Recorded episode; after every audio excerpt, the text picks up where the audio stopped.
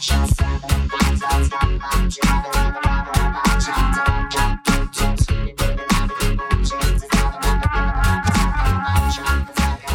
الفل. أنا أحمد بيومي. أهلا بيكم في حلقة جديدة من بودكاست Iron and Carrots أو حديد وجزر. الحلقة بتاعت النهارده هتكون أسئلة وأجوبة Q and A في شوية أسئلة اتسألت الأسبوع اللي فات على انستجرام هرد النهارده على جزء منها.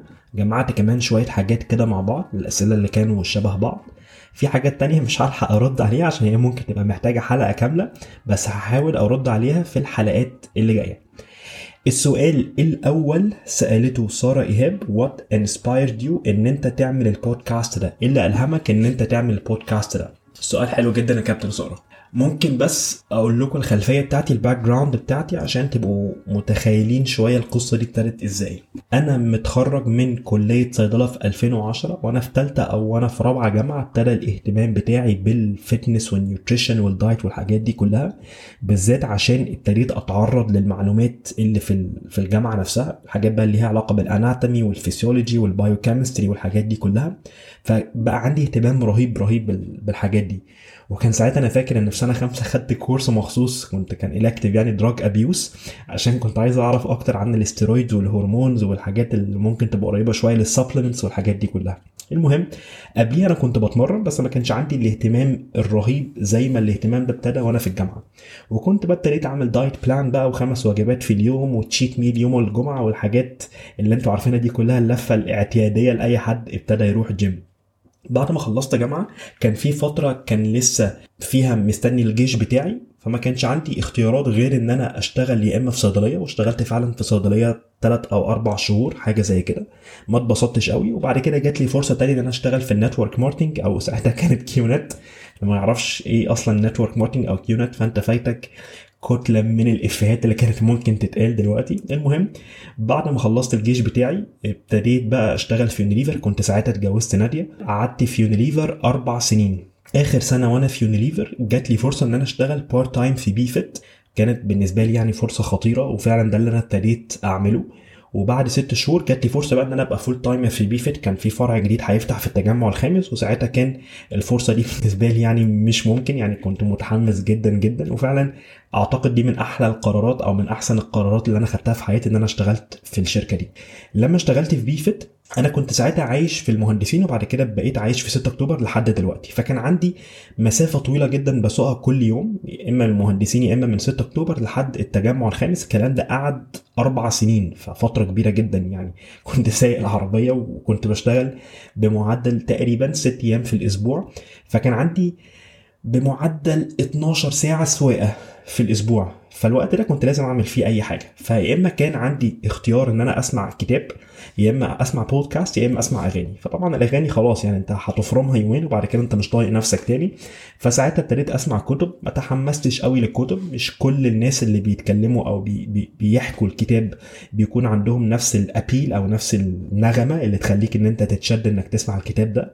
بس البودكاست لقيته من الحاجات الممتعة جدا جدا. المقابلات اللي بتتعمل مع الناس الواحد بقى ليه accessibility أو بقى ليه دخول لعالم تاني خالص ما كانش يعرفه قبل كده. فعشان البودكاست كان استخدامه سهل ممكن أسمعه وأنا سايق وأنا بتمرن وأنا بعمل حاجة مش محتاج إن أنا أركز فيها قوي. وأنا مثلا بتمشى في مول أو بعمل حاجة من الحاجات دي. البودكاست بالنسبة لي من الحاجات المهمة جدا في حياتي. أنا بسمع تقريبا حوالي 40 ساعة بمعدل يعني 40 ساعة في الشهر بودكاست وده اللي خلاني أعتقد إن أنا أبتدي البودكاست كالحاجة الأولى لما ابتديت Iron and Carrots جنب ال online coaching حسيت إن البودكاست ممكن تبقى أسهل في ال execution وفي الاستخدام نفسه للناس اللي عايزة تستفيد بالوقت ده في حاجة مهمة.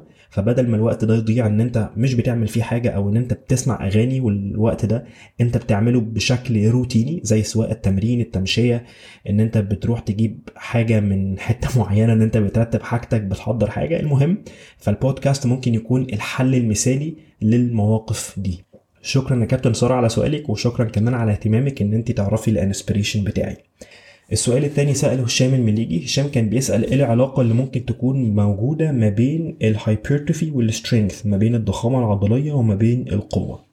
بص يا captain H إيه الحاجات اللي ممكن تخليك أقوى؟ إيه الحاجات اللي ممكن تخليك إن أنت تشيل أوزان أتقل في الجيم الحاجة الأولى ممكن تكون التكنيك نفسه إن أنت بتعرف تعمل الحركة اللي أنت عايز تعملها. فال squat مثلا من الحاجات اللي هي محتاجة منك skill work محتاج إن أنت تتعلمها. انك تعرف تنزل صح انك تعرف ت brace ان رجلك تبقى مظبوطة فتحة رجلك ظهرك يبقى عامل إزاي باصص إزاي بعينك على الأرض قدام ولا لتحت ولا أصلا مش باصص خالص. يعني التفاصيل كلها اللي ممكن تبقى متعلقة بكل lift دي من الحاجات الأساسية اللي بتساعدك إن أنت تتحسن في الأوزان اللي أنت بتشيلها. الحاجة الثانية هتبقى متعلقة بال anatomy بتاعك أنت ربنا خلقك إزاي؟ فطول رجليك طول إيدك طول جسمك نفسه ال insertion أو ال origin بتاع العضلات نفسها كل لما العضلة بيبقى ليها insertion أو بتقفل أو بتمسك في حتة معينة في العظم بيبقى ليك advantage أو disadvantage مختلفة يعني بيبقى ليها ميزة أو بيبقى ليها عيب. الحاجة اللي بعد كده ممكن تبقى ال fatigue وال arousal ال fatigue التعب بتاعك أنت تعبان أو مرهق أو مش تعبان فايق. وال arousal اللي هو السخنان على التمرين. عشان كده ممكن تبقى بتلاقي الناس اللي بتلعب powerlifting مثلا دي من الحاجات الصور الاعتيادية جدا اللي أنت بتشوفها. إن هو قبل ما بيخش على ال lift بتاعته حد بيروح ضربه على ظهره أو بيروح مزعق له والحاجات دي كلها. حتى في حد يعني من الناس المشهورة Layne Norton عنده تحضيرة كده بتبقى مميزة جدا لما يخش على ال lift بتاعته. هبقى اسيب لكم link ليها في ال show note لو حد عايز يتفرج. لما تشوفها تحس ان هو فاهم يعني هيحصل جنان دلوقتي يعني ان هو هيخش هياكل البار. الحاجة الأخيرة اللي ممكن تبقى بتأثر على القوة بتاعتك هي الكتلة العضلية ال muscle mass. في دراسة اتعملت في 2002 على 20 elite powerlifter ناس يعني اللي هم top notch ناس من أقوى الناس اللي في العالم. كان ساعتها بعد 100 على طول. 100 اللي ما يعرفوش ده هو المسابقة يعني ال athletic competition يعني. دي بتتسمى كده في ال Olympic lifting وفي ال powerlifting فبعد ال 100 ده ال 20 واحد دول دخلوا الدراسة دي. ال researcher كان عايز يشوف العلاقة اللي ممكن تكون موجودة ما بين ال1 rep max القوة بتاعتهم وما بين الكتلة العضلية. لقى إن الترابط ما بين الاثنين كبير بشكل مبالغ فيه. تقريبا 90% في ترابط واضح جدا ما بين كمية العضلات اللي عندك وما بين القوة بتاعتك. وكل لما كان في حد وزنه بيبقى زيادة طبعا انت لما يبقى وزنك زيادة بيكون فيها كمان fat accumulation يعني كمان بيبقى معاها دهون.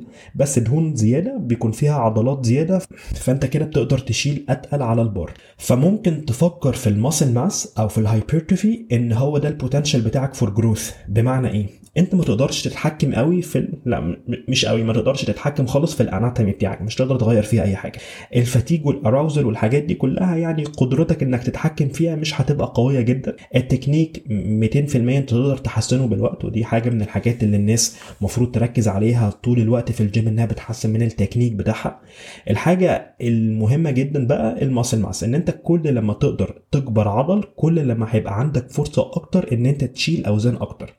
ده مش معناه إن أنت أول لما عضلاتك تزيد يعني مش معناه إن أنت لو بتعمل hypertrophy المفروض إن ال one rep max بتاعتك هتزيد لأ لأن هيبقى في phases عبال ما توصل للمرحلة إن أنت قدرت تستخدم العضلات دي.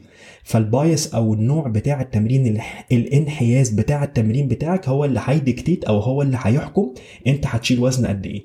فلو أنت بتشيل أوزان من 8 ل 12 أو من 8 ل 15 فأنت هتبقى قوي جدا في ال rep range ده. ولو أنت بتشيل أوزان من 1 ل 5 هتبقى قوي جدا برضو في ال rep range ده. بس اللي انت ممكن تفكر فيه ان انت لما تاخد phases of training لما انت تاخد فترات من التمرين بتاعك dedicated لل hypertrophy أو رايحة لل hypertrophy رايحة للضخامة العضلية فساعتها انت أكنك بتحط لنفسك base أكبر إن انت تقدر منها إن انت تقدر تشيل أوزان اتقل later on في ال phase المختلفة اللي رايحة ناحية ال strength ال phase الثانية اللي انت هتبقى تشيل فيها عدات أقل أو أوزان أكتر. الحاجة الحلوة في ال hypertrophy بقى إن هي متسامحة جدا very forgiving إن أنت ممكن تكبر عضل في أي rep range فخد بالك برضو من الحتة دي. عشان كده في دراسة كلاسيكية في 2014 من براد شونفيل براد شونفيل ده هو بيب جوارديولا ال hypertrophy يعني هو النجم يعني. ففي 2014 الدراسة الكلاسيكية بتاعته لما جاب تقريبا لو أنا فاكر صح 20 شخص أو 24 شخص حاجة بالشكل ده دخلوا في 8 أسابيع training program نص الناس دول كانوا بيعملوا 3 في 10 بيعملوا تمارين 3 مجاميع في 10 عدات والنص التاني كانوا بيعملوا 7 مجاميع في 3 عدات. فالناس اللي كانت بتعمل الثلاث مجاميع في 10 عدات يعني بتعمل أوزان أقل وبتعمل عدات أكتر والعكس الناس التانيين بتعمل أوزان أعلى وعدات أقل.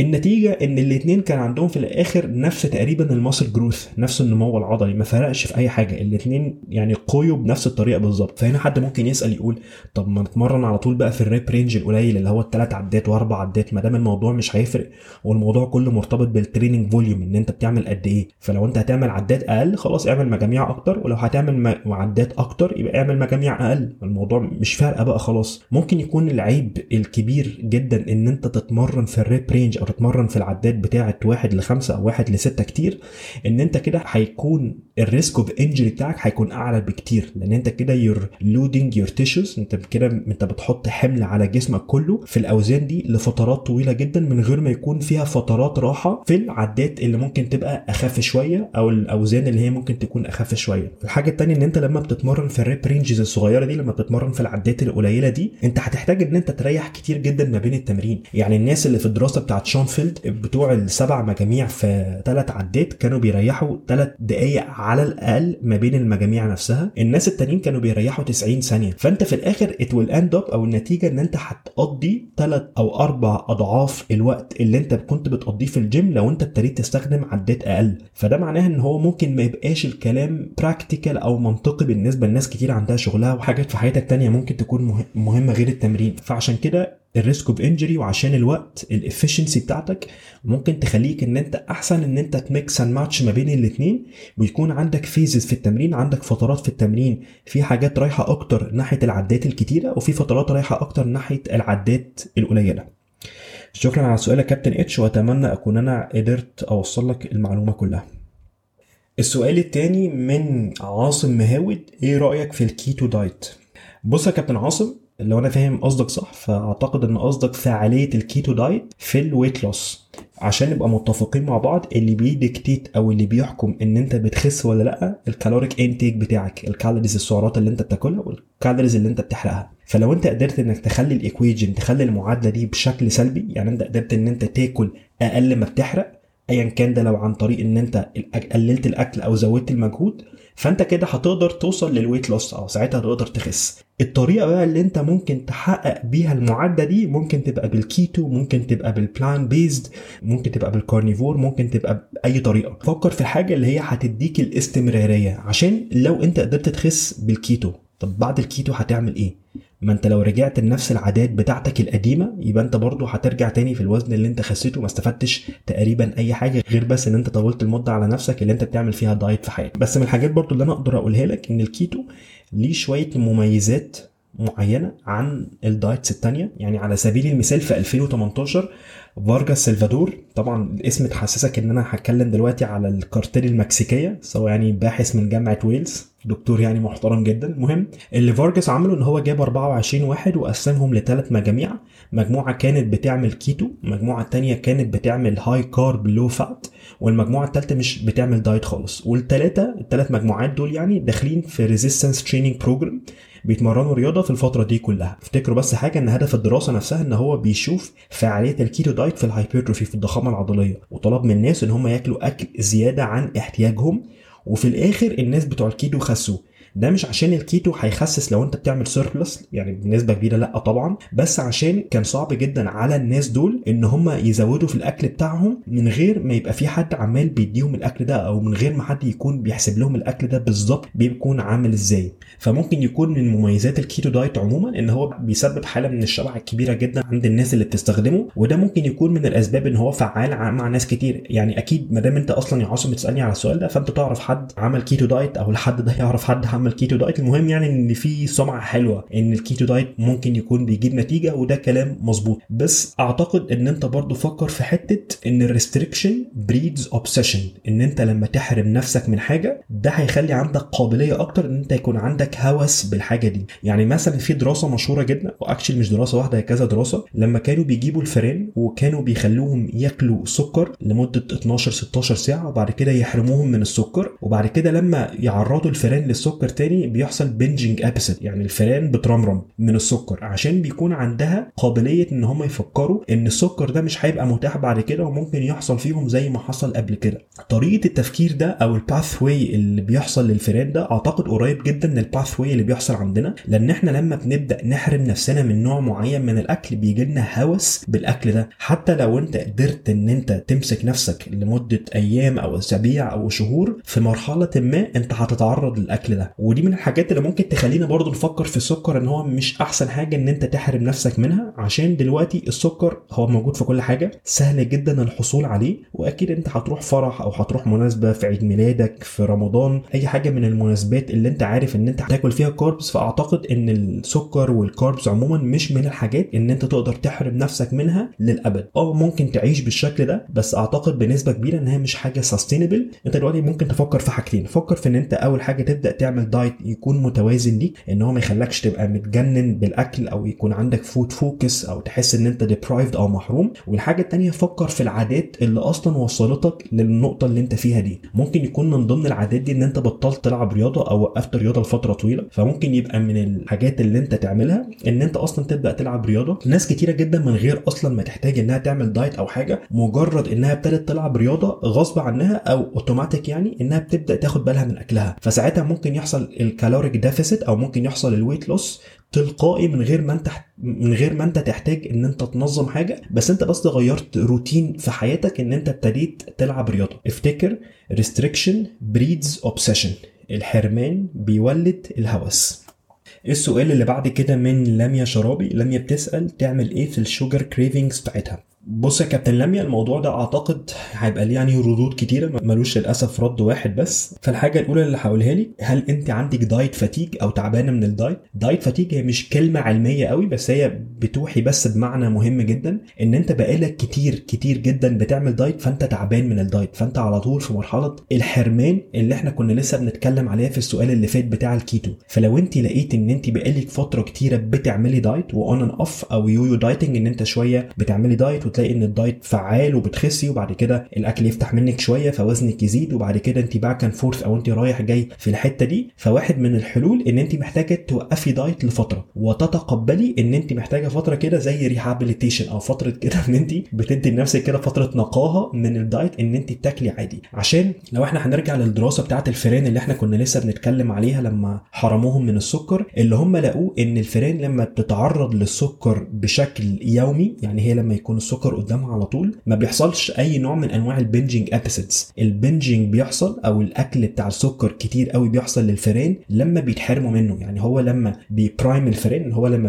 بيدوا للفئران السكر لمدة 12 ساعة دول بعد كده بيحصل حرمان منه وساعتها بيحصل ال binging بس لو ما كانش فيه حرمان في النص ما بيحصلش ال binging ده أو ما بيحصلش الهوس بالأكل ده. فعشان كده ال diet break ممكن يبقى من الحاجات الفعالة جدا في المرحلة اللي أنت فيها. الحاجة الثانية ممكن تفكري هو السبب إن أنت عندك ال cravings دي. عشان أنت جعانة ولا عشان أنت عندك حاجة ممكن يبقى stress ضغط أو حاجة مضايقاكي مزعلاكي فعشان كده الأكل بالنسبة لك ممكن يبقى coping mechanism ممكن يبقى طريقة أنت بتحاولي تتعاملي بيها مع المشاعر بتاعتك. ودي حاجة من الحاجات الاعتيادية جدا إن كلنا بنعملها إن أنت لما بتبقى متضايق وبعد كده بتفتكر إن أنت لما أكلت الأكلة الفلانية اتبسطت شوية فعشان عايز تبسط نفسك في الوقت اللي أنت فيه ده فممكن تبقى بتحاول ت mimic أو بتحاول تعمل نفس اللي أنت عملته قبل كده. فالأكل بالنسبة لك بيكون وسيلة إن أنت ترفه بيها عن نفسك. فنصيحتي ليكي في الحتة دي إن أنت تبدأي تفكري في الحاجات اللي بجد بتألكت أو بتفعل ال cravings دي. ممكن يكون الموضوع ليه علاقة إن أنت متضايقة أو زعلانة أو في حاجة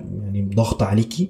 فعشان كده برضو ده ممكن حتة ال diet break أو إن أنت تاخدي إجازة من ال diet من الحاجات اللي تكون مناسبة جدا. الحاجة اللي بعد كده اللي عايز أقولها لك برضو النوم. لو أنت نومك متلخبط ده ممكن يلخبط شوية ال hormones بتاعة الجوع وبتاعة الشبع بتاعتك. يعني انت لو بتنامي فترة أقل من الفترة اللي انت المفروض تناميها أو بتنامي وقت متأخر وبتصحي بدري زي ما معظم الناس بتعمل في ال week days في أيام الأسبوع وبتيجي على ال weekend بتنامي بقى النومة بتاعتك الطويلة. ده ممكن يلخبط شوية ال hormones بتاعة الليبتين والجريلين هرمون الشبع والهرمون بتاع الجوع. فمن الحاجات السهلة جدا اللي انت ممكن تعمليها عشان تصلحي الموضوع ده إن انت تلتزمي بمواعيد نوم إلى حد ما ثابتة. موضوع النوم ده أنا هبتكلم فيه في حلقة مختلفة عشان النوم ده موضوع كبير جدا وليه تأثير على حاجات كتيرة قوي وفي حاجات إحنا نقدر نعملها بنسبة كبيرة إن إحنا نقدر نحسن من العادات بتاع النوم بتاعنا أو من ال sleep hygiene فعشان الحاجة اللي بعد كده إن أنت ممكن تبدأي تعملي interventions شوية في الأكل بتاعك. بمعنى إيه؟ إن أنت تقدري تزودي من البروتين البروتين من الحاجات ال satiating جدا مشبعة جدا. فلو أنت زودتي ال protein intake ده أصلا ممكن يقلل من ال calories بتاعتك وممكن يخليكي شبعانة. خدي بالك من حاجة صعب قوي إن أنت يبقى عندك craving وأنت شبعانة. فال craving ده عادة بيحصل من التجويع ان انت بتبقي مجوعة نفسك. فلو انت قدرتي إن انت تخلي الأكل اللي انت بتاكليه يشبعك ففي احتمالية كبيرة جدا إن ال cravings دي بتبدأ تقل قوي أو ممكن تروح خالص. فالبروتين فعال جدا في الحتة دي. ال fruits فعالة جدا جدا جدا. وال vegetables برضو يعني مفيش أحلى من كده. فلو استخدمت الثلاث حاجات دول مع بعض ممكن تقللي ال hunger effect أو نتيجة الجوع اللي بتحصل لك من ال diet اللي انت بتعمليه أو من أي diet بعد كده هتعمليه. الحاجة اللي بعد كده استخدمي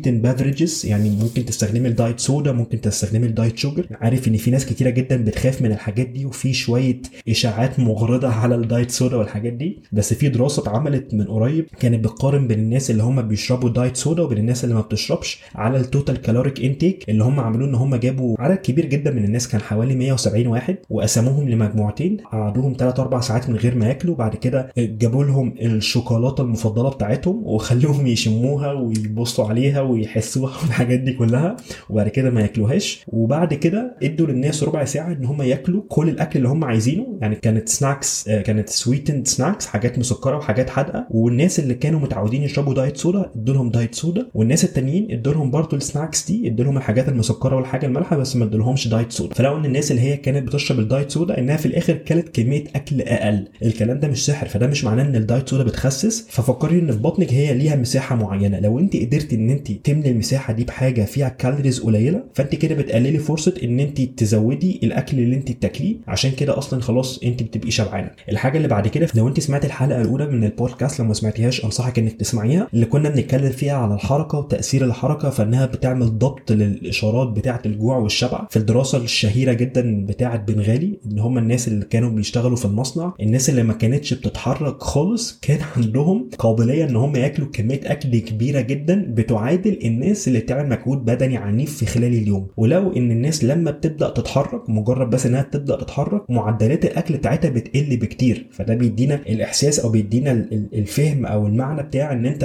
بتضبط الإشارات بتعمل regulation الإشارات بتاعة الجوع والشبع مجرد بس إن أنت بتتحرك فالرياضة ممكن يبقى ليها دور كبير.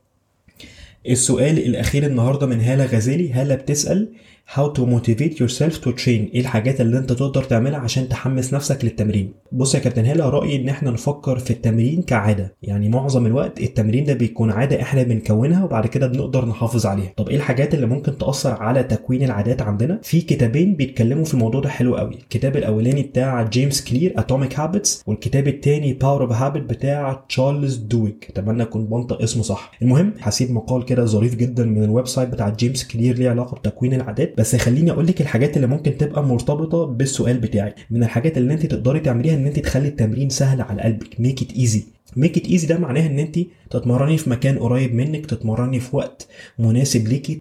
معناها إن انت تتمرني في الأسبوع عدد المرات المناسب. فكري في الجملة دي الحاجة اللي هي المثالية ممكن ما تبقاش منطقية. فممكن يبقى مثالي بالنسبة لك دلوقتي إنك تتمرني خمس أيام في الأسبوع. ودي أحسن حاجة في الدنيا. بس عشان الشغل بتاعك وعشان حياتك الشخصية وعشان اهتماماتك التانية خمس أيام ده رقم كبير جدا جدا. فعشان كده ممكن يكون أنسب ليكي في الفترة دي إن أنت تتمرني مرتين بس. الحاجة اللي بعد كده make it attractive make it attractive يعني خلي الحاجة دي تبقى محمسة بالنسبة لي. خليها خليها يبقى ليها جاذبية. فعشان كده مهم قوي إن أنت تختاري نوع التمرين اللي أنت تبقي متحمسة ليه. لو أنت النهارده الهدف بتاعك في التمرين فالهدف health and well being يعني general wellness الصحه العامة بتاعتك وشكلك يبقى كويس. فعشان كده ممكن يبقى في عندك اختيارات كتيرة جدا جدا جدا ممكن تعمليها. الكلام ده ممكن يكون group exercise الكلام ده ممكن يبقى personal training في جيم ممكن يبقى online training مع حد. ممكن يبقى أنت مثلا بتحضري classes مختلفة عن اللي انت كنت بتحضريها قبل كده. يعني حاجات زي اليوجا حاجات زي البيلاتس. ممكن تجربي boxing تجربي حاجة انت يبقى عندك شغف بيها. تبقي بتتطلعي ان انت تروحي التمرين بتاعك ده. الحاجة اللي بعد كده خدي training breaks يعني مش لازم ان انت تفضلي تتمرني على طول بلا انقطاع. من الحاجات مثلا اللي أنا بعملها في التمرين بتاعي عادة أنا عادة ال cycle بتاعت التمرين بتاعتي أو ال structure بتاعي ان أنا بتمرن حوالي أربع خمس اسابيع. بعد كده الأسبوع الخامس أو الأسبوع السادس باخده deload deload ده إن أنا بقلل حجم التمرين وبقلل الأوزان اللي أنا بشيلها. بيبقى أسبوع كده في الخفيف. الأسبوع ده عادة أنا بتمرن أربع أيام في الأسبوع. في الأسبوع ده أنا بروح أعملهم مرتين بس في الأسبوع. عشان يبقى عندي وقت أكتر إن الأسبوع ده أريح من التمرين. الجيم يوحشني شوية والتمرين يوحشني شوية. الأسبوع الأولاني بقى بتاع ال cycle الجديدة بيكون بالنسبة لي exciting أو بيبقى محمس بشكل رهيب. لو هلخص لك الحاجات اللي أنا قلتها دي أول حاجة فكري إن أنت تخليها سهلة. خلي التمرين اللي أنت بتعمليه يبقى سهل على قلبك. ميعاد مناسب مكان مناسب عدد مرات في الأسبوع مناسب ليكي. الحاجة اللي بعد كده خليها تبقى attractive بالنسبة لك. اختاري الحاجة اللي أنت تبقي متحمسة ليها إن أنت تعمليها. حتى لو الحاجة دي ممكن يكون ليها sub optimal results فكري إن optimal doesn't mean practical. الحاجة المثالية مش معناها إنها حاجة منطقية.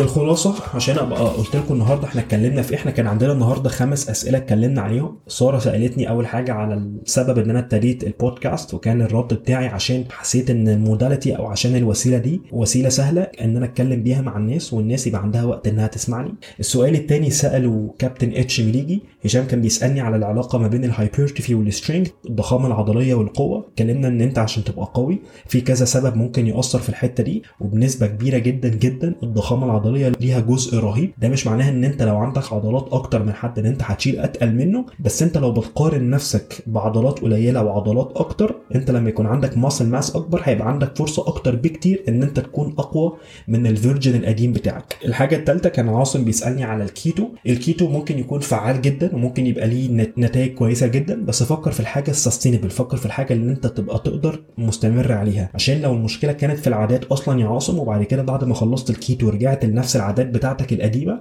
فساعتها انت هتبقى ما استفدتش حاجة.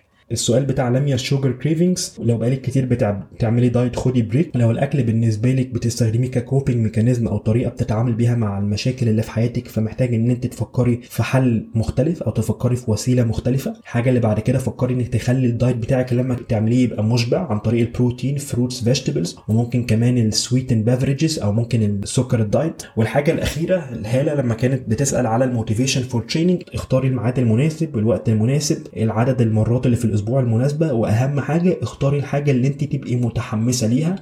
كل المصادر اللي أنا استخدمتها في الحلقة بتاعت النهارده هسيبها لكم تحت في ال show notes عشان لو حد عايز يقرأ أكتر في حاجة من الحاجات اللي إحنا اتكلمنا عليها هسيب لكم كمان ال link بتاع ال Q and A عشان لو في حد عايز يسيب أي سؤال عشان نرد عليه في حلقة من الحلقات اللي جاية. ما تنسوش لو في حد تعرفوه هيستفيد من الحلقة اللي أنتوا سمعتوها دي يا ريت تشاركوها معاه. ولو أنتوا عندكم feedback أو أي تعليق يا ريت تكتبوا لي على انستجرام أو تكتبوا لي على على Apple Podcasts ويا ريت كمان تعملوا rating للحلقة. كل لما ال rating كان كويس كل لما كان في فرصة إن في ناس أكتر هتسمع الحلقة دي. أنا مبسوط جدا إن أنتوا كنتوا معايا النهارده. أشوفكم المرة اللي جاية.